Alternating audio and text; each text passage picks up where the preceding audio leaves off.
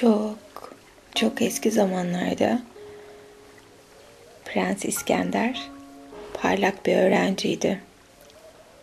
Felsefenin, kaligrafinin, dansın, müziğin, hukukun ve kılıç dövüşünün ustalarıyla çalışmış, kıvrak zekası ve çevik bedeniyle hepsini etkilemişti. 15. yaş gününde tam bir gün önce babası yanına gelip geçmesi gereken bir sınav olduğunu söyledi. Prens karşısına ne çıkarsa çıksın başaracağından emindi. Ertesi gün babası şöyle söyledi. Sarayımızın altında güneşin hiç görmediği demir bir kafes var. Ve orada senin sınavın için özellikle alınıp büyütülmüş çok güçlü bir kaplan var. Pençeleri çelik, dişleri hançer gibi. Senin görevin yanında sadece küçük bir hançerle kafese girip ve bu kaplanı öldürmek. Ailemizde bütün krallar cesaretlerini kanıtlamak için bu sınavdan geçer. Bu prensin beklediği türden bir sınav değildi. Biraz şaşırmıştı. Kaplanı görebilir miyim diye sordu. Ve babası onu uzun, karanlık, dolan başlı bir merdivenden indirdi. Prens, loş bir ışıkla aydınlatılmış kafesin arkasında parlayan kırmızı bir çift göz gördü. Dev kaplanın korkutucu küklemesini duydu. Dizlerinin bağı çözülerek duvara yaslandı. Baba, ne kadar yürekli olduğumu başka bir şekilde kanıtlayamaz mıyım? Örneğin teolojide en iyi ustalara karşı bir tartışmayı kazanabilirim. Güzel camimize yakışacak bir sanat eseri üretebilirim. Veya en iyi kılıç ustalarımızdan birini yenebilirim.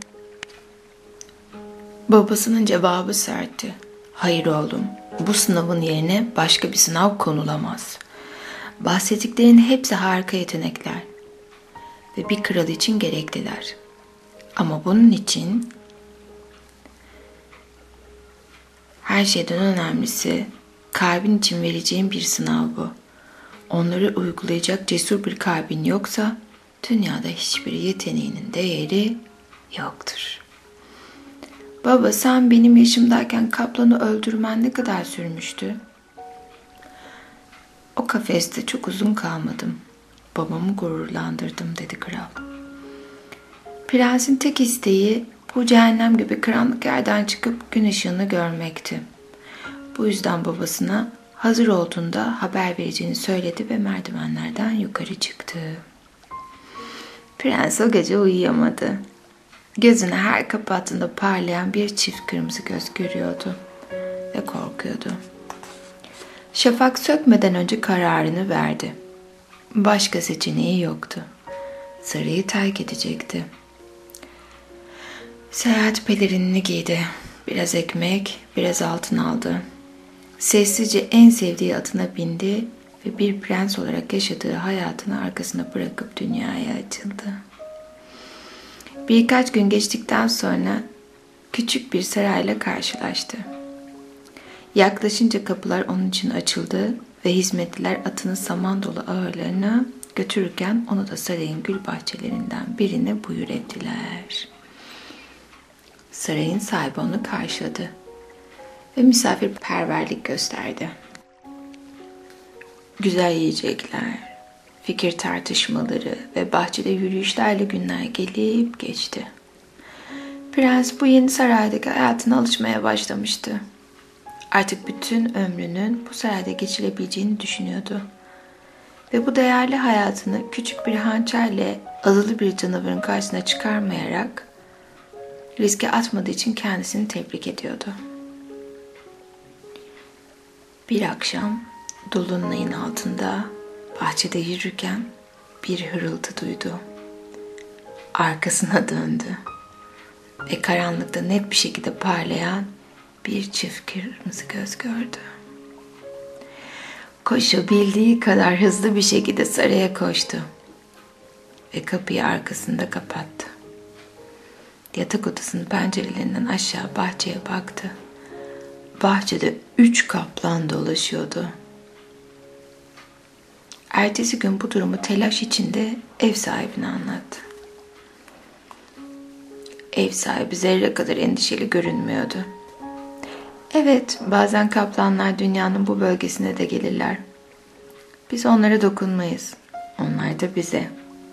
Yine de karşılaştığın zaman kendini savunmaya hazır olmalısın diye cevapladı.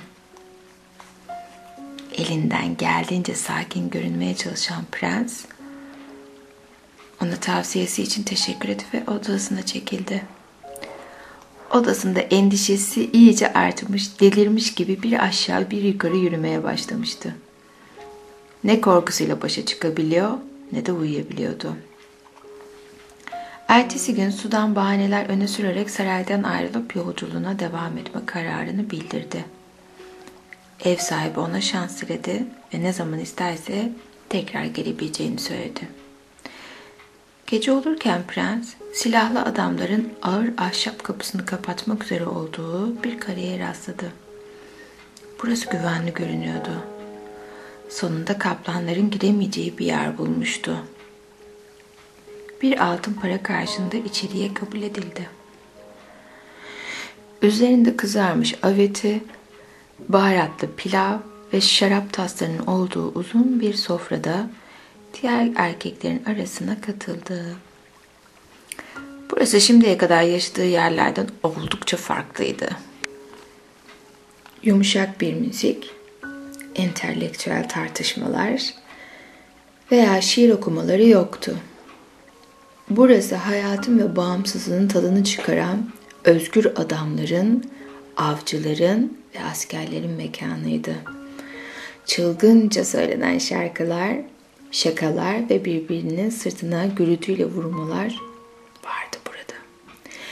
Ertesi gün karenin sahibi adamlarının lideri, kaba sakallı bir adam, onu grupla birlikte avlanmaya davet etti. Prens hemen kabul etti ve akşam kaleye mutlu ve coşku dolu bir şekilde döndü. Hiç bu kadar güçlü ve özgür hissetmemişti. Kendini avlanma, açık hava, şaraplı ve kutlamalı gecelerle dolu bu yeni hayatın içinde hayal edebiliyordu. Birkaç gün sonra ziyaret sırasında Şahin ona doğru eğilip şöyle dedi. Bizler hepimiz savaşçıyız. Adamlarımı savaşlar arasında öyle bir av ile kutlama hayatıyla oyalıyorum. Yüreklerimizi güçlü tutmak ve savaşa hazır olmak için ayda bir kez adamlarla birlikte silahlarımızı ve kalkanlarımızı bırakıp yanımıza sadece basit hançerler alarak kaplanlarla dolu bir bölgeye gideriz. Orada azılı canavarlarla savaşarak cesaretimizi sınarız.'' Genellikle gün sonunda eve bir veya iki kaplanla döneriz. Geldiğin günden beri seni izliyorum. Artık hazır olduğuna karar verdim. Yarın bizimle gelecek ve cesaretini kanıtlayacaksın. Cesur görünmeye çalışan prens kendisine olan güveni için Şahin'e teşekkür etti. Ve bir büyük yudumlu şarap bardağını boşalttı. Ertesi gün diğer avcılar gibi av için hazırlandı ve atlı kafilenin en sonunda kalmaya dikkat ederek onlarla beraber kaleyi terk etti. Ormanda bir kavşağa geldiklerinde atını diğer tarafa çevirdi ve savaşçılardan hızla uzaklaştı. Gece olurken binlerce kuşun şarkı söylemeye ve yıkanmaya geldi fiskiyelerle çevrili güzel bir saraya ulaştı. Burası cennet gibi diye düşündü. Saray sınırlarına adım atar atmaz on hizmetli karşıladı onu ve ev sahibiyle karısının bir santranç oyununa dalmış olduğunu geniş verandaya götürdüler. Sıcak bir şekilde karşılandı. İkramlar yapıldı Ve sonra ev sahibinin karısı ut çalarken ev sahibiyle zihin açıcı bir fikir alışverişine girdiler. İkinci evini bulduğunu hissetmişti. Ertesi gün bahçede yürürken hayatı boyunca gördüğü en güzel kızla karşılaştı. O da ut çalıyor ve çok güzel şarkı söylüyordu. Biraz yaklaşınca bunun ev sahibinin sık sık adını geçirdiği kızı Meryem olduğunu anladı. Kız şarkıyı kesmeden başıyla selamlayıp yanına oturmasını işaret etti. Prens daveti mutlulukla kabul etti. Ancak biraz daha yaklaşınca kızın ayaklarının dibinden kırmızı gözlü bir kaplanın ona baktığını gördü.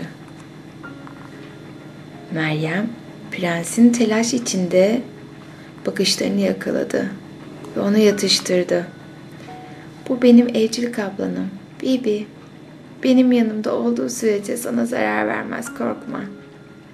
Prens, Meryem'le konuşma isteğiyle şiddetli kaplan korkusu arasında kalmıştı. Sonunda isteği kazandı. Oturup Meryem'le hoş bir öğleden sonra geçirdi. Akşam babasıyla konuşurken kızının neden böyle ilginç bir evcil hayvan seçtiğini sorgulama fırsatı yakaladı. Ev sahibi, evet bebeği Meryem kendisi yetiştirdi. Tuhaf bir seçim ama o da sıradan bir kız değil diyerek güldü. Ona iyi bir eşlikçi oldu ve geceleri sarayın koridorlarında dolaşıp bizi davetsiz misafirlerden koruyor. Prens yine sakin kalmaya çalışsa da koridorlarda dolaşan bir kaplan düşüncesi onu korkutuyordu. O gece kapısını kilitledi. Ama kaplanın homurtularını duyuyordu. Kaplan kapısını tırmaladı. Kapı kolunu salladı. Prens İskender içeride korkuyla duvara yapıştı. Ertesi sabah kararını vermişti bile. Eşyalarını toplayıp ev sahibini görmeye gitti. Ve hiç tereddüt etmeden konuştu. Efendim, misafirperverliğiniz için çok teşekkür ederim. Gerçek kimliğimi açıklamadım. Ben Prens İskender'im. Korku yüzünden sarayımdan ve görevlerimden kaçtım. Aşk beni kaderimle tekrar yüzleşmeye döndürecek. Kızınıza aşık oldum ve eve dönüp beni bekleyen kaderle yüzleşmezsem ona asla evlenme teklif edemeyeceğimi anladım. İzninizle eğer sınavımı geçersem kızınızdan karım olmasını isteyeceğim. Ev sahibi hafifçe gülümsedi. Cesaretinizi göstermeniz için bir sebep bulmanıza memnun oldum Prens İskender. İtiraf etmeliyim ki en başından beri kim olduğunuzu biliyordum. Çünkü babanıza çok benziyorsunuz. Size şans diliyorum ve kızımla birleşmeniz için rızamı veriyorum. Kraliyet sarayına dönen prens dizlerinin üzerine çöküp babasından af diledi ve sınava hazır olduğunu söyledi. Kral şefkatli, sevgi dolu gözlerle oğluna bakarak döndüğüne çok sevindim. Korkularımızla yüzleşmek için hepimiz zamana ihtiyaç duyarız. Kafese yarın ineriz. Şimdi dinlen dedi. Ertesi gün prens bütün cesaretini topladı. Kalbini sevgili Meryem'e odakladı ve titreyerek merdivenlerden indi. Babasının verdiği küçük hançeri sıkı sıkı tutuyordu. Kafesin önüne geldiğinde yardımcılar kapıyı sonuna kadar açtılar. Derin bir nefes aldı ve hançerini kaldırıp bir savaş çığlığıyla öne atıldı. Kaplan bir pençesiyle onu silahsız bıraktı. Hançer bir tıngırtıyla kafesin zeminine düştü. Bir saniye sonra kaplan üzerindeydi ve amansız bir sevgiyle yüzünü yalıyordu. Şaşıran prens gururla onu izleyen babasına baktı. Oğlum sınavı geçtin. Korkuyu yaşadın ve ona rağmen harekete geçtin. korkunun esiri olsan da her zaman korktuğumuzla yüzleşmemize değecek şeyler olduğunu anladın. Artık zamanı geldiğinde kralda sana bırakabileceğimi biliyorum. Prens tekrar yukarı çıkarıldı. Büyük bir ziyafet sofrası hazırlandı. Birkaç gün sonra evcil kaplanı ile Meryem geldi. Evlendiler. Çoğu zaman mutlu, bazen üzgün, hep birlikte yaşadılar. Güzel masal bize aslında korkularımızdan kaçmamamız gerektiğini gösteriyor. Korkundan kaçma. Kaçmak ve uzak durmak veya uzak durmaya çalışmak asla bizi korktuğumuz şeylerden korumaz. Tam tersine içimizdeki canavarları daha da besler. Korkun onu yenene kadar yol boyunca tekrar tekrar karşına çıkar. Öyleyse derin bir nefes al. Korktuğun şeyi fark et ve adını koy. Onu daha yakından tanımaya çalış. Korkundan bahset. Korkun hakkında bir şeyler yaz. Çizerek anlatmaya çalış. İçimizdeki en derindeki canavarlara ışık tuttuğumuzda küçüldüklerini, güçlerini kaybettiklerini görürüz. Ve düşün, kaçmaya çalıştığın şey nedir? Sürekli karşılaştığın o zorluk nedir? Geçmişinde içindeki canavarla ilk karşılaştığın zaman neyi hatırlıyorsun? Baş karakterin canavarlarla yüzleştiğinde ve senden daha cesur davrandığı bir senaryo yaz. Ve o karakterin başına neler gelir? Ve artık o yazdığın senaryonun kahramanı da sensin. Nasıl kazanacağını karar veren de sensin. Ve hayatının yeni versiyonunu yazacak olan da sensin. Ve unutma hayal ettiğin kadarsın.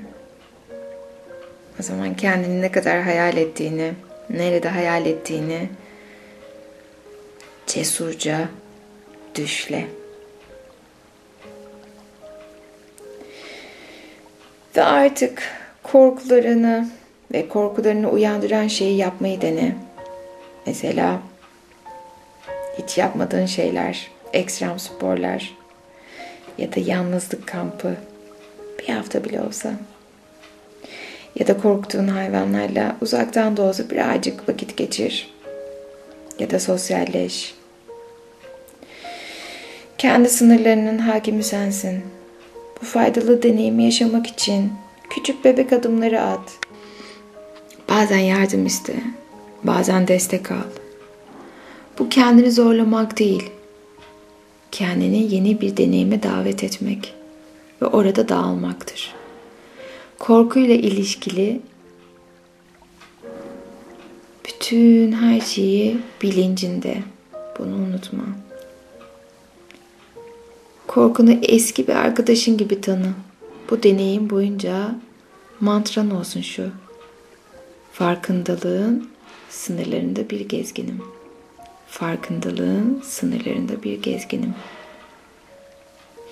Tehlikelerden korunmak için değil, onlarla yüzleştiğimizde korkusuz olmak için dua edelim.